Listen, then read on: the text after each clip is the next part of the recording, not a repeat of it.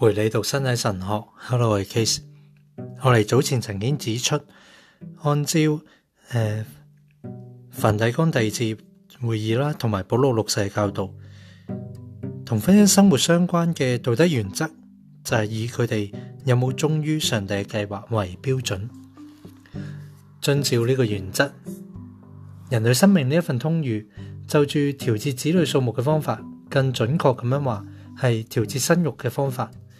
嚴格區分咗邊啲係道德上面唔正確嘅方法，邊啲係道德上面正確嘅方法。首先，道德上面唔正確嘅方法包括咗直接中斷已經開始嘅生殖過程啦，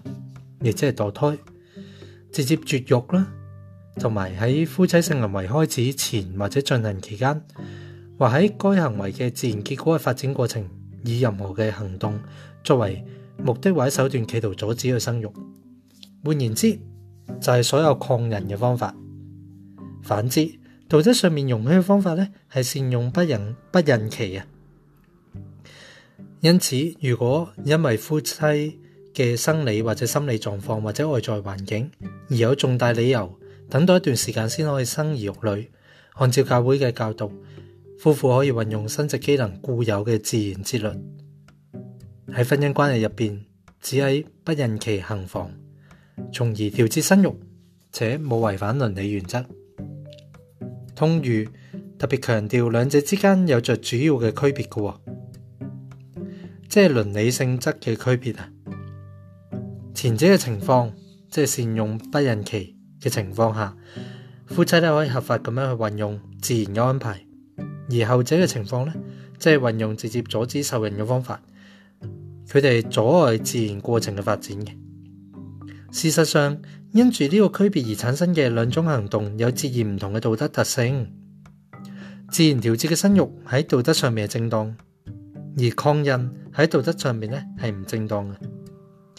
两种嘅行动同埋行事方式嘅主要区别，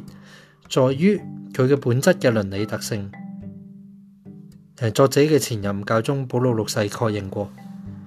喺呢两种情况下，夫妇都系为合理嘅理由。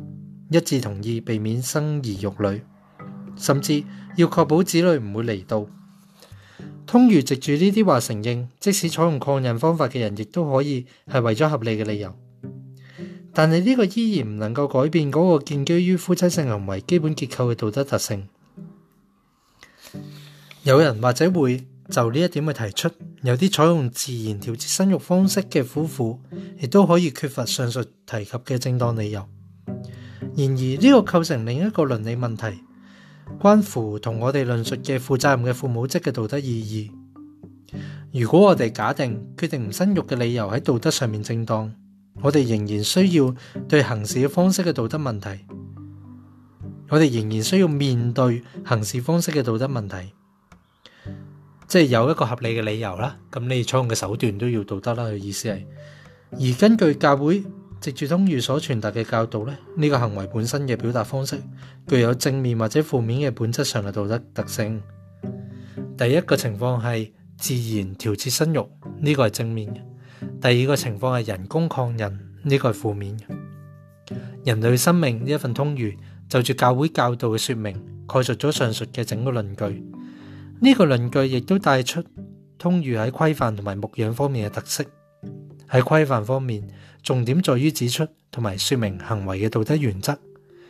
喺牧养方面，所关注嘅要显明根据呢啲原则行事嘅可能性，去遵行上帝律法嘅可能性，亦都系我哋应该花多啲时间去诠释通谕嘅内容。为此，我哋必须根据从圣经经文嘅分析浮现出嚟嘅身体神学，理解呢个通谕嘅内容。亦即系规范同埋牧养性质俱全嘅内容。身体神学唔仅仅系理论，而且有关于身体嘅教学，系具有福音同埋基督徒信仰嘅特色。呢个教学嘅特色嚟自圣经，并主要系嚟自福音添。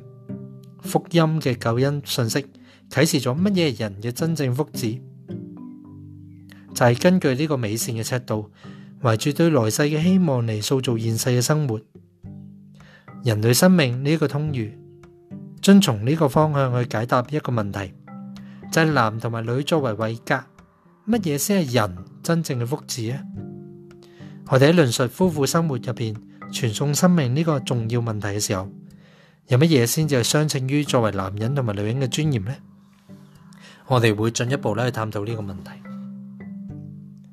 咁咧，下次啊，我哋又再读。